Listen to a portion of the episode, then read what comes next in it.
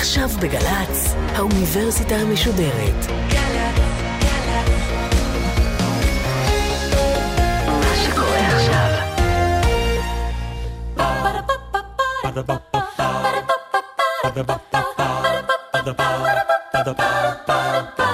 האוניברסיטה המשודרת בשיתוף מיזם וויז מציגה המדען העירום מיטב החוקרים בישראל בפגישה אישית עם בן שני.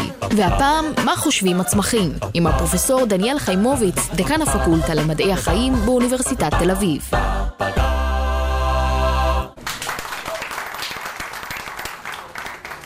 שלום לכם, אנחנו במדען העירום, סדרת uh, מפגשים של האוניברסיטה המשודרת. אנחנו התכוונו בשם הזה לזה שאנחנו הולכים להביא אותך, פרופסור דניאל חיימוביץ', ערב טוב. שלום, ערב טוב. אבל יותר מזה גם את המדע שלך, אה, סדרת אה, מפגשים לא רק איתך, כל שבוע עם אה, מדען אחר, ולעשות אותה קצת יותר נגישה, קצת יותר מדוברת. בגלל זה גם יצאנו החוצה מהאולפן, אנחנו נמצאים פה בביר גרדן בתל אביב, מול קהל ששומע ומאזין לנו כאן. מקליטים כמובן את הסדרה הזאת לגלי צה"ל, האוניברסיטה המשודרת. פרופסור דניאל חיימוביץ' הוא אחד המדענים שנמצאים היום בחזית אה, העשייה המדעית בעולם בתחום הביולוגיה, הוא דיקן הפקולטה למדעי החיים באוניברסיטת תל אביב, הוא חוקר בעיקר צמחים, ואחרי שקראתי את הספר הזה, אה, רב המכר צמח מה הוא יודע שתורגם כבר לכמה שפות? 13. 13 שפות. כן. מה הכי מוזרה? אסטונית. ומאיפה מגיעות תגובות? לא, לא, עוד, באסטוניה כן. נמכר יותר מ-6,000 עותקים. ובכל ארצות הברית נמכרו אולי 15,000 עותקים. עכשיו יש מיליון וחצי אנשים באסטוניה וכמעט 300 מיליון אנשים בארצות הברית אז מה זה אומר על האסטונים או על האמריקאים? תגיד לי אתה. שתי אפשרויות. כן. או שהאסטונים זה עם מאוד מאוד מלומד והם מאוד אוהבים צמחים או שזה הספר היחיד שתורגם לאסטונית באותו השנה. אז... Um...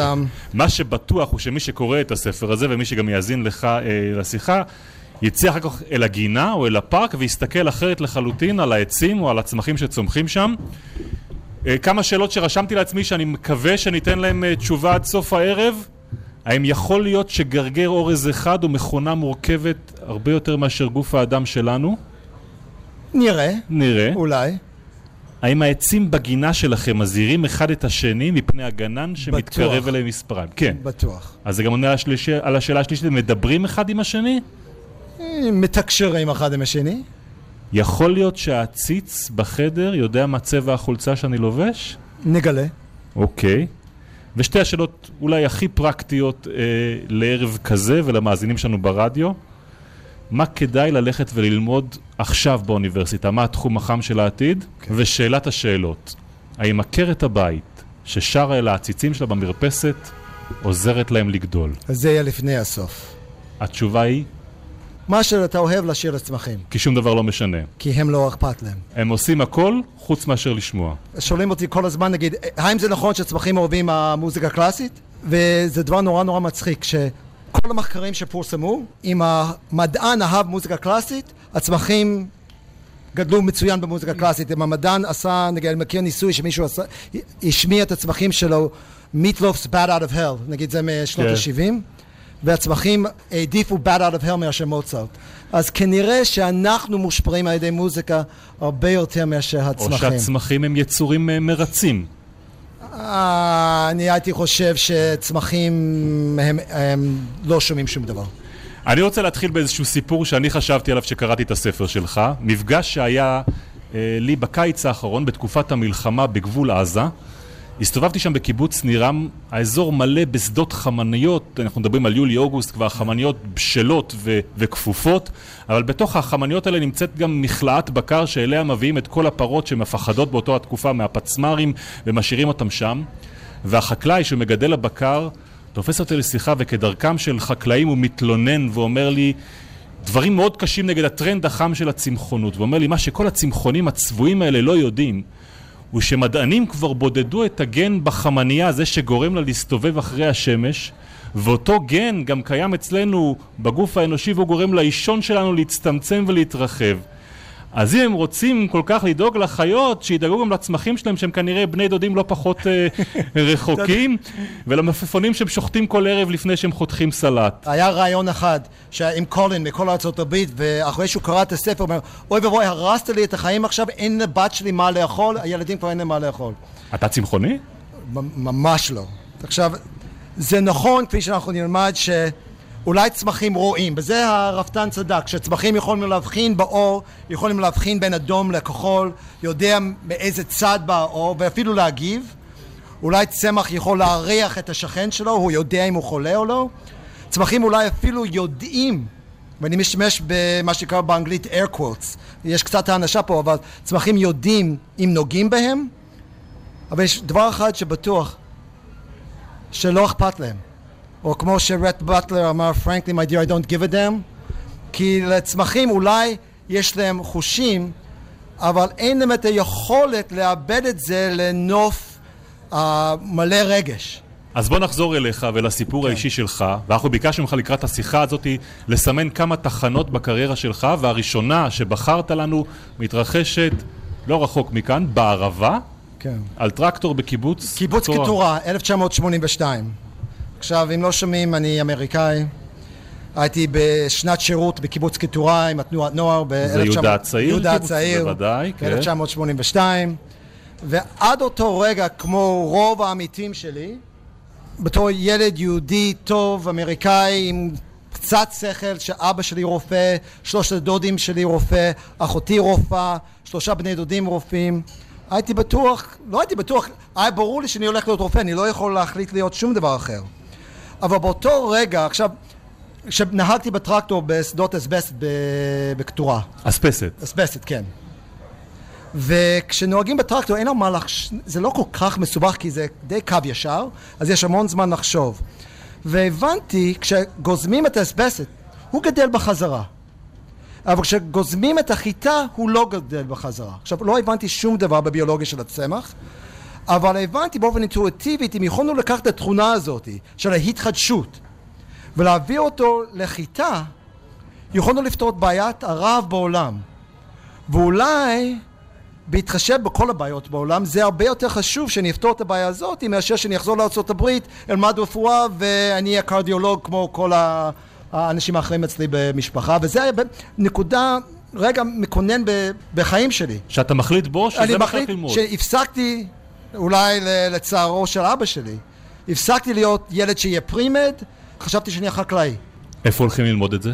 זאת הבעיה שבאותו עת כבר התקבלתי ללימודים באוניברסיטת קולומביה. עכשיו, מי שלא יודע, אוניברסיטת קולומביה זה במרכז מנהטן, ניו יורק סיטי, אין שדות, אולי יש סנטרל פארק, אבל אין שדות בניו יורק סיטי, ובמנהטן לא היה אפילו קורס אחד במדעי הצמח. על איזה שנים אנחנו מדברים? 82. נכנסתי לתחום הזה באופן ביטולי. לא ידעתי למה אני נכנס. היה מוצא אחד, הוא היה דיקן. של קולומביה שהלכתי להתייעץ איתו. הוא אמר לי, תשמע חיימוביץ, אין פה מדעי הצמח, אין פה ארגונומיה, אין לך מה לחפש פה. אבל אני מציע לך, תחכה קצת, אל תלך ללמוד חקלאות עכשיו, אתה תמיד יכול להיות חוואי. עדיף לך להתעמק כמה שיותר בגנטיקה, כי יש תחום חדש, שלא ידעתי עליו, שנקרא גנטיקה מולקולרית של צמחים, הוא העתיד, הוא ממש בחיתוליו, ומי שיבין יותר את המדע הבסיסי של צמחים, הוא זה שיוביל. הנה זה החלק שבו אנחנו מגיעים למדע ותעשה לנו אותו רגע יותר נגיש. מה קורה בעצם בשנות ה-80, אמצע שנות ה-80 מבחינת גנטיקה בעולם, שפוגש אותך ומאפשר אחר כך לכל המחקר הגדול זה לפרוח. זה בדיוק מתי שהתחיל את העידן של ההנדסה הגנטית. בסוף שנות ה-70, אמצע שנות ה-80, נהיה נגיש הטכנולוגיה שמאפשרת לנו לבודד גנים. לבודד DNA, גן ספציפי, לרצף אותו, לזהות מה הוא עושה, ועם השנים גם התפתח הטכנולוגיה להעביר גן מאורגניזם אחד לאורגניזם השני. זה באמת, נגיד היום אנחנו לוקחים הנדסה גנטית בתור מובן מאליו. אבל כשזה נעשה בהתחלה, בשנות ה-80, זה ממש היה מהפכני. זאת אומרת, אם אני אקח את זה בהשאלה לסיפור על קטורה, לקחת את הגן שגורם לאספסת להתחדש, ואולי לשתול אותו בחיטה. בדיוק. תראה, אלפי שנים אנחנו מעבירים תכונות מצמח אחד לצמח השני על ידי השבחה. מה זה השבחה של צמחים? זה החקלאי לוקח זן מוצלח, מאכלי אותו עם זן פחות מוצלח אבל שיש לו תכונה שהוא אוהב, לדוגמה עמידות ליובש או לעובש ואז מחליא אותם, הוא מקווה שהוא יקבל צאצא שהוא גם יהיה טעים אבל גם עם איזושהי עמידות. עם הביולוגיה המודרנית אנחנו מצליחים לעשות את זה באופן מכוון. ואז אותו הדיקן, הוא אמר לי, לך תלמד גנטיקה כמה שיותר, אבל אז אתה תמיד יכול ליישם את זה בחקלאות. בכל זאת רציתי ללמוד צמחים, והבנתי שאת זה לא אוכל לעשות בקולומביה, אז עברתי, בדיוק באותו עת עליתי ארצה, היה לי איזושהי מחשבה ללמוד חקלאות ברחובות, אבל במקום ללמוד חקלאות ברחובות למדתי גנטיקה בירושלים. כי שם יכולתי להתעמק במדע הבסיסית ולא במדע הפרקטית. ושם אתה מסמן את התחנה השנייה בקריירה, איפשהו בין 88-89, אתה מחפש מה? הגעתי לאוניברסיטה העברית, יש מלא ביולוגיה של הצמח, מלא גנטיקה, מרצים מצוינים, ונקלטתי במעבדה הצעירה של אחד מהביולוגים המולקולריים הראשונים בארץ שהתעסק בצמחים, והוא הציב בפני את האתגר, בואו נבין איך צמח מייצר בטא קרוטן, ויטמין A. את הצבע הכתום. הצבע הכתום. הצבע הכתום של כל הצמחים, נגיד היום בוויטמינים, נגיד מאוד חשוב לקרוטנים, ליקופן, בעצם הקרוטנוידים זה כל האדום, הכתום, הצהוב שיש בטבע. עכשיו, יש לו חשיבות לא רק בשביל היופי שאנחנו רואים, אלא גם בשביל הבריאות, זה, זה מה שנותן לנו ויטמין A, זה הצבע של, ה, של הגזר. והרעיון האורך טווח היה שאם נוכל להבין איך צמח מייצר ויטמין A, בטא קרוטן, נוכל להעביר את התכונה הזאת לאורז. למה אורז? כי אורז הוא לבן. נגיד, נכון, כשמוסיפים קומין הוא הופך להיות צהוב, אבל קומין זה לא להוסיף בטא קרוטן. עכשיו, רוב העולם, וכמובן כל העולם במזרח, יש מאות מיליוני אנשים שהדבר היחיד שהם אוכלים כל יום זה אורז. ובהיעדר ויטמין A יש מלא מחלות, המון עיוורון, המון מחלות אחרות שנובעות מזה שאין להם מספיק ויטמין A. אז הרעיון היה שאם נוכל להבין איך צמח מייצר ויטמין A, נוכל להעביר את התכונה הזו לאורז ולייצר אורז שהוא כתום באופן טבעי, וזה יכול לפתור בעיה של תזונה מאוד גדולה בעולם. וזה הפרויקט שמשך אותי לעשות את הדוקטורט עליו. ואז יש רגע מסוים שבו אתה מגלה, שאתה מוצא את אה, הגורם... אוקיי, מאוד חשוב להבין שרגעי האושר בחיי המדען הם מעטים, יש לי סטודנטים פה שעושים ביולוגיה. אוקיי. אה, למה את צוחקת? כן, בדיוק, כי, כי רגעי, רגעי האושר שלנו הם מעטים. רוב המ- העבודה היא עבודה סיזיפית, מלא כישלונות. ו... אבל יש רגעים נדירים, שזה יותר טוב מכל סם שאי פעם לא לקחתי. שזה הגילוי, הידיעה שאתה הבן אדם היחיד בעולם שיש לו ידע מסוים. וזה, אולי זה קצת רומנטי, זה כמעט תחושה אלוהית לשנייה אחת. וזה הסם שלנו, של המדענים, שאנחנו חייבים לחוש את זה שוב, אנחנו מכורים לתחושה הזאת. מתי אתה מרגיש אותה בפעם הראשונה? הפעם הראשונה היה באמצע, די באמצע הדוקטורט, אז המטרה שלי הייתה לשבט את הגן הראשון. עכשיו, אני לא אשמם אתכם איך אנחנו יודעים שהצלחנו לשבט את הגן. מספיק להגיד שחשבתי למשך שנה וחצי שהצלחתי, ושנה וחצי שוב הבטחתי לעצמי שלא. והיה יום שישי אחר הצהריים, אני והחבר שלי, ניר אוהד, שהוא גם פרופסור היום באוניברסיטת תל אביב, מעבדה ליד מעבדה, ואנחנו משווים A ל-B, וזה כמו להשוות ספר אחד לשני, אני קורא מילה, הוא קורא מילה, אני קורא מילה, הוא קורא מילה, ואם אנחנו נמצא שוני באיפשהו בתוך הפסגה, אז זה ההוכחה ששבתתי את הגן.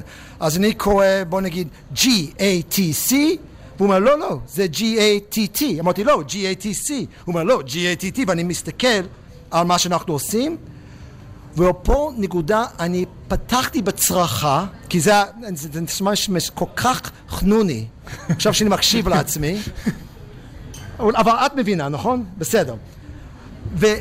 ופתחתי בריצה מסביב לבניין, בצרחות, כאילו שאני ניצחתי במרתון, כי ידעתי לא רק שהצלחתי, ושיהיה לי דוקטורט. כי עד אותו רגע לא ברור שיהיה לי דוקטורט. אבל ו- מה ואז מצאת? זה היה הפעם הראשונה בעולם שמישהו בידד גן שאחראי על הביוסינתזה של בטא קרוטן. הראשון בעולם. הראשון בעולם. וזה אולי מוביל אותי לשאלה שהצבתי ככה בתחילת הדרך, על ההבדל בין גרגיר האורז למכונה האנושית. כי מה אנחנו יודעים היום על כמות הגנים שקיימת בצמחים מול בני אדם, והאם הם הרבה יותר מתוחכמים ממה שאנחנו חושבים? אוקיי, אח- עכשיו אני קודם כל חייב להגן על עצמי מפני העמיתים שלי. ההגדרה של כמה גנים יש הוא בעייתית, אבל באופן עקרוני, לצמחים יש יותר גנים מאשר יש לבעלי חיים. כולל בני אדם. וברמה מסוימת, צמחים הם הרבה יותר מתוחכמים מאשר בעלי חיים. והסיבה לכך הוא שצמחים הם נייחים. בואו ניקח דוגמה. אם אתה נמצא בסביבה שלא נעים לך, בוא נגיד שמאוד מאוד חם לך עכשיו, מה אתה תעשה? תפתח מזגן או שאני הולך למקום אחר. אוקיי, ואם אתה רעב? אני אוכל. ואם אתה מחפש בת זוג? צמח, בגלל שהוא מושרש, אם הוא נמצא במקום שפתאום זה 40 מעלות, הוא לא יכול לברוח, הוא לא יכול להדליק את המזגן. הוא חייב להגיב ביולוגית על מנת לשרוד, ואותו הצמח, אם נגיד מדברים על צפון ארצות הברית, בפיטסבורג איפה שגדלתי, הוא חייב לשרוד 40 מעלות בקיץ ומינוס 20 מעלות בחורף. לא, באותו זה, מקום. באותו מקום, כי הוא לא יכול לברוח. אותו הצמח רוצה להתרבות, הוא חייב למצוא בת זוג או בן זוג. הוא תקוע במקום, איך הוא ימצא אותו? פתאום יש מלא רוח, הרוח מננד אותו. עכשיו, אם הוא לא יגיב ויגדל גזע יותר חזק, הוא ימות. עכשיו, אם אנחנו נמצאים במקום שיש שם מי רוח, אנחנו פשוט יכולים לברוח. זה היה תזוזת האוכלוסין בהיסטוריה של בני אדם. עכשיו, לברוח זה אסטרטגיה מאוד פשוטה. לא צריך להיות חכם מדי לברוח. אבל להגיב ביולוגית דורש הרבה יותר מנגנונים התפתחותיים שמאפשר לך לחוש את כל הסביבות, את כל התנאים, ולהתאים את הגידול שלך, שאתה תהיה מותאם באופן מדויק לסביבה. זאת אומרת, האורז מכיל בתוכו איזושהי ספרייה שנותנת לו אפשרות להגיב בתנאי מזג האוויר קיצוניים. יכול, בדיוק, אנחנו יכולים לקחת בחש... לדוגמה את היכולת לראות. עכשיו, אני מגדיר ראייה בתור היכולת לקלוט אור ולגרום לתגובה מסוימת. נגיד אם אני זורק כדור אל מישהו, העין רואה את הכדור בא, והתגובה זה שהיד יוצא ותופס את הכדור. עכשיו, צמח רואה אור, ואחד מהדברים שהוא עושה זה הוא מתכופף לאותו כיוון. אנחנו רואים את זה כל הזמן על הצמחים שלנו בעדן החלון, שממש מתכופפים לכיוון של האור.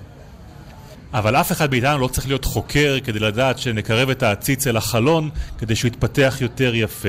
כן, אבל מה... אנחנו צריכים להיות חוקר לשאול איך. איך הצמח רואה את האור? איפה הוא, נגיד, איפה, נגיד, אני אומר שצמח רואה את האור. אבל איפה העין של אותו הצמח? ואיפה היא נמצאת?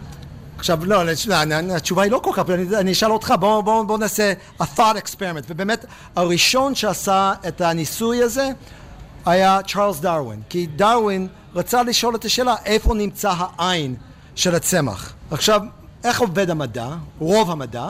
אנחנו חייבים לבוא עם היפותזה. וההיפותזה של דרווין היה שבקצה הניצן, בקצה הצמח יש את העין. עכשיו, אני לא יודע למה זה ההיפותזה שלו, אולי זה היה האנשה, שזה הראש, אולי. ומה שדרווין עשה, הראשון, הניסוי שלו, הוא חתך את הקצה של החותלת. הוא ממש הוריד לו את הראש, האיר את הצמח מהצד, והצמח איבד את היכולת להתכופף. מסקנה? שזה... הצמח רואה מלמעלה. או, אבל יש לי חדשות בן, אם כן. אני מוריד לך את הראש, אתה גם מאבד את היכולת שלך לראות. אז בשביל זה מדען טוב גם עושה ביקורות. אז הביקורת הבאה שהוא עשה, זה שהוא שם כיפה שחורה על קצה, וגם מאיר מהצד, וגם הצמח לא התכופף, והדבר השלישי שהוא ראה, הוא שם כיפה מזכוכית, כדי לראות שזה לא היה סתם המשקל, וכשהוא שם כיפה מזכוכית, הוא כן התכופף. דהיינו, בניסוי מאוד פשוט ב-1880, בלי שום טכנולוגיה מודרנית, בלי חשמל, רק עם נר, דרווין הוכיח שהצמח חש בקצה אבל לא רק שהוא חש בקצה, התגובה הוא בבסיס. הכיפוף הוא לא בקצה, הוא בבסיס. דהיינו, הצמח חש בבס... בקצה, הוא מעביר את המידע כלפי מטה, ואז הוא מגיב. באופן עקרוני לא כל כך שונה ממה שקורה אצלנו. אנחנו חשים בעין ומגיבים בחלקים האחרים של הגוף שלנו. ומה באמת מוכיח הדמיון הזה? אם אתה מגלה את הגנים שעוסקים אה, בראייה אצל הצמחים, גם אצלנו, אצל בני אדם, מה זה אומר על האופן שבו אנחנו חווים אור לעומת הצמחים? אוקיי, פחדתי שתשאל את זה. אוקיי, אני אגיד לך למה פחדתי לשאול את זה. כי כשגילו מהו הקורטן אור, בשביל אור אדום בצמח, ומהו הקורטן אור באור אדם אצלנו? זה גנים אחרים לגמרי. התברר שזה התפתח באופן עצמאי. בשני הזנים? בשני, בשני היצורים. אבל, וזה נכון לגבי 12 קורטני האור של הצמח. חוץ מקורטן אור אחד, מספר 13, שהשם שלו זה קריפטוכרום, קולטן אור קריפטוכרום מספר 13 הוא אחראי על התגובה של צמח לאור בשביל לדעת מהו אורך היום. צמחים יודעים מה אורך היום, באמת צמחים יכולים לעבור ג'טלאג. אתה יודע שיש צמחים שפותחים את העלים שלהם באור וסוגרים אותם בחושך, או יש צמחים שפורחים בחושך ולא באור. אם במעבדה אנחנו הופכים להם את היום, או לוקחים אותם במטוס לארה"ב, הם עושים הפוך, הם פותחים לכמה ימים את העלים שלהם בחושך ולא באור. הם באמת בג'טלאג. והדרך שהצמח יודע מהו אורך היום, זה הקולטן אור הזה. וזה אותו קולטן אור הכחול שיש אצלנו, שמבקר את ג'טלאג גם אצלנו. כי ידוע, כשאנחנו נוסעים במטוס, הדרך הכי טובה לצאת מג'טלאג זה לצאת לאור, ושהאור ישפיע עלינו ולא לשבת כמו פולני בחושך. אז בואו באמת נחפש את הדברים הנוספים ששווים. דיברנו על הראייה ועל האופן שאנחנו קולטים וחווים אור. מה לגבי. זה לא חוש, אבל התכונה הזאת שאנחנו אוהבים לדווח על סכנה, לדבר אחד עם השני, איפה אנחנו מוצאים את זה בצמחים? ידוע שנים, שכל זו שאלה, מצו... זו שאלה מרתקת, האם צמחים מתקשרים אחד עם השני? כי אנחנו יודעים שגם אפשר לדבר, לתקשר בלי לדבר. אז בואו נדבר על תקשורת. אז ידוע שנים, עשרות שנים, שאם עץ מסוים מותקף על ידי חיפושיות, השכן שלו מתחיל להפריש חומרים כימיים שדוחים חיפושיות. זה שצמחים מתקשרים אחד עם השני בדוק, והם מתקשרים על ידי ריחות. אז הם מריחים. הם מריחים אחד לשני. עכשיו, יש לך אבוקדו קשה שקנית פה ב-AMPM. כן. ואתה רוצה שהוא יבשיל כמה שיותר מהר. מה אתה עושה? משום מה אני עוטף אותו בעיתון, זה עוזר? זה עוזר, אבל זה עוזר עוד יותר לשים אותו עם בננה מאוד מאוד בשל באותו שקית. כי הבננה תלמד אותו מה? לא, כי אנחנו יודעים, כשהבננה מפריש חומר נדיף, שזה גורם לאותו אבוקדו להבשיל. עכשיו, כשאתה עוטף אותו, מה שאתה עושה, גם אבוקדו מפריש את אותו חומר. כשאתה עוטף אותו בעיתון, אתה מונע ממנו לברוח, וזה נשאר בפנים והוא גם מבשיל. בשלב הזה בואו נחזור שוב לקהל שלנו, שרוצים פה לשאול שאלות. אמ, אני ניב, והשאלה שלי בפרפרזה לדברי דרווין, הוא שאל אה, איפה באמת העין של הצמחים. ואני שואל אה, איפה הלב, במובן סימבולי כמובן, לא כמשאב האדם, אלא כ... האם כואב לו כאשר כורתים לו עלה? האם הוא חושב שאלות קיומיות? האם כאשר הוא סובל באיזה מדבר, האם הוא חושב להתאבד? התשובה היא לא. עכשיו יגידו, איך אתה יודע? תראה, אנחנו, כל התכונות שאתה דיברת עליהן, בוא, בוא נשאל את השאלה אם, אם כואב לו, השאלה אם הוא סובל. כי בביולוגיה האנימלית יש הבדל בין כאב וסבל. וזה שחותכים, לדוגמה, לא בהכרח אומר שיש גם לא כאב וגם לא סבל. לדוגמה, כשעושים ניתוח מוח. הרבה פעמים עושים ניתוח מוח כשהראש פתוח לגמרי והפציינט הוא ער. חותכים את המוח ולא כואב לו. למה? כי אין חיישני כאב בתוך המוח. דבר שני, גם אם יש כאב, זה לא אומר שיש סבל. הכאב נמצא אצלנו ממש עמוק בתוך, ה, בתוך המוח. אבל הסבל נמצא בפרונטו קורטקס, שרק נמצא בחיות, בבעלי, בחיות יותר מתוחכמות, frontal cortex. אנחנו גם יודעים שסבל זה מאוד מאוד um, סובייקטיבי. עכשיו, מבחינה מולקולרית, אנחנו יודעים שלצמחים יש קורטני מגע. גם לנו יש קורטני מגע. אבל לצמחים אין קורטני כאב. ובאופן מולקולרית יש הבדל בין קורטני מגע וקורטני כאב. אז שוב, תחתכו את הצמחים, הם יודעים שאתה נוגע בהם, אבל לא אכפת להם. פרופסור דניאל חיימוביץ, תודה רבה רבה לך על השיחה הזאת. תודה גם למקום הזה, לביר גרדן שאירח אותנו כאן uh, בתל אביב. תעקבו אחרינו בפייסבוק של גלי צה"ל למפגשים הבאים שלנו בסדרה המדען העירום באוניברסיטה המשודרת. תודה רבה לצוות גלי צה"ל שעבד על התוכנית הזאת, לליאור פרידמן, לאורן אוברמן, לגיא עופר ונועם מפן. הטכנאי של ההקלטה הוא בני יהודאי. אני בן שני, לילה טוב. Ba-da-ba-ba-ba האוניברסיטה המשודרת. בן שני שוחח עם הפרופסור דניאל חיימוביץ, דקן הפקולטה למדעי החיים באוניברסיטת תל אביב. מערכת האוניברסיטה המשודרת, מאיה להט קרמן, ליאור פרידמן, אורן הוברמן וגיא עופר. האוניברסיטה המשודרת, בכל זמן שתרצו, גם באתר גל"צ ובדף הפייסבוק של האוניברסיטה המשודרת.